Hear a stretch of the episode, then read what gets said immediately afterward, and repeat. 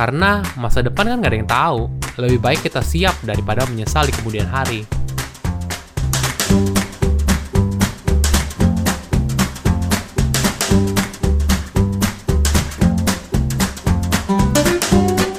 Halo semuanya, nama saya Michael.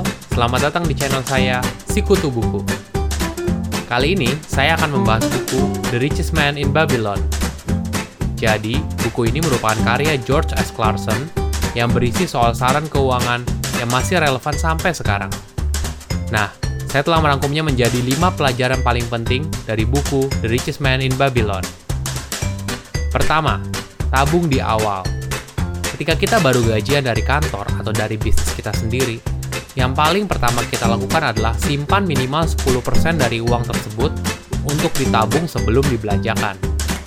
Mungkin sulit ya bagi beberapa orang, tapi ini merupakan kebiasaan keuangan yang baik.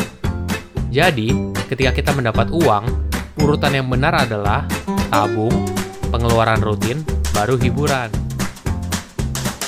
Kedua, buat uang bekerja. Orang kaya selalu membuat uang bekerja untuk dirinya. Jadi, ketika kalian mendapat kenaikan gaji, kalian harus fokus mengembangkan investasi, bukan ke hal-hal yang konsumtif seperti beli mobil baru, beli baju baru, dan sebagainya. Paling penting juga, investasikan uang kalian di bidang investasi yang kalian pahami, dan seiring waktu akan menjadi sumber pendapatan pasif yang semakin besar. 3. Hindari berhutang. Hutang di sini maksudnya adalah hutang konsumtif ya. Jadi bukan hutang produktif seperti hutang untuk mengembangkan usaha. Apalagi sekarang gampang banget nih buat berhutang. Contohnya bisa pakai kartu kredit. Wait, bukan berarti nggak boleh pakai kartu kredit. Itu saja, kartu kredit memudahkan banyak hal, tapi harus punya mindset yang benar dulu. Kartu kredit adalah alat bayar, bukan alat berhutang. Oke, sekali lagi saya ulangi ya Kartu kredit adalah alat bayar, bukan alat berhutang. Artinya, kalau kita pakai kartu kredit untuk bayar, kita harus langsung sisihkan uang tersebut untuk dibayarkan saat ada tagihan. Jadi kita harus membeli sesuai kemampuan ya. Keempat, upgrade diri sendiri. Banyak orang lupa bahwa investasi yang paling menguntungkan adalah investasi ke diri sendiri.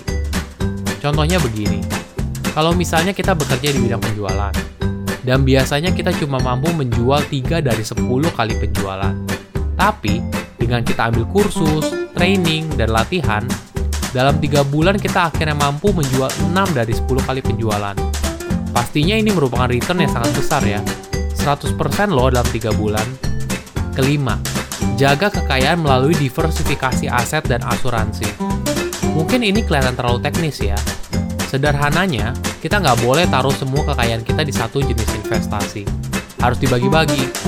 Contoh, kita bisa bagi kekayaan kita ke saham, emas, properti, bisnis, dan sebagainya. Satu hal lagi yang paling penting, sebelum kita mulai investasi, kalian harus punya asuransi dan dana darurat. Ini penting banget yang kadang-kadang orang suka lupa. Karena masa depan kan nggak ada yang tahu, lebih baik kita siap daripada menyesal di kemudian hari. Nah, tadi adalah 5 pelajaran penting dari buku The Richest Man in Babylon.